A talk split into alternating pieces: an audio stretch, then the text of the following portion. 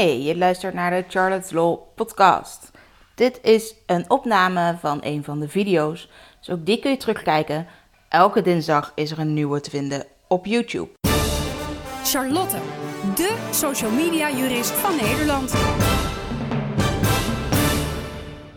Als je een ondernemer bent, wil je misschien ook wel eens een keer wat werk uitbesteden of andere mensen werk voor jou laten doen. Nou, doe je natuurlijk misschien al snel met een boekhouder die uh, wat financiële administratie voor je doet, of in elk geval de belastingen. Um, maar dat kan natuurlijk ook zijn dat je dat met heel veel andere dingen nog uit zou willen besteden.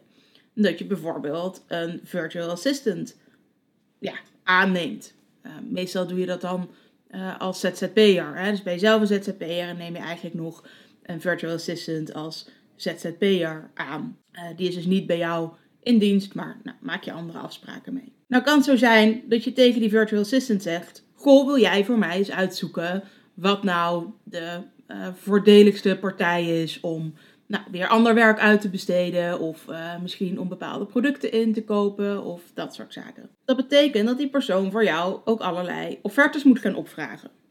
Nou, dat kan natuurlijk, dat is geen probleem. Maar wat nou als je op basis van zo'n offerte ook een opdracht wil verlenen? Je zou denken dat dat misschien heel eenvoudig is. Je zegt dan tegen je virtual assistant: joh, offerte van uh, bedrijf A, die lijkt me fantastisch. Ga er maar mee akkoord en uh, nou kunnen we weer verder. Je moet alleen wel opletten dat je eigenlijk sowieso je virtual assistant al een volmacht geeft om akkoord te kunnen gaan met zo'n offerte.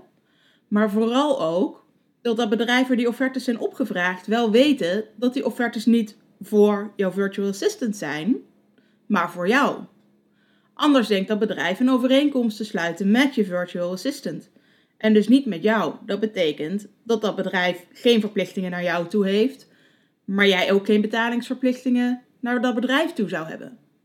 Dat is eigenlijk voor alle drie de partijen een ongewenste situatie. Wat je dus moet doen, is met je virtual assistant goed afspreken wat nou eigenlijk de bedoeling is. Dat als die persoon voor jou bijvoorbeeld offertes op gaat vragen, dat daar meteen al bij vermeld moet worden. Dat zij of hij het wel voor jou opvraagt, maar dat het dus voor jou is. Dus dat jouw bedrijfsnaam daar nog bij genoemd wordt. En het is eigenlijk belangrijk om je virtual assistant een volmacht te verlenen.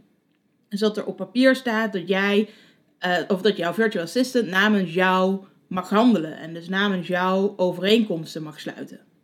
Dat is voor je virtual assistant heel fijn, want die persoon valt er dan tussenuit.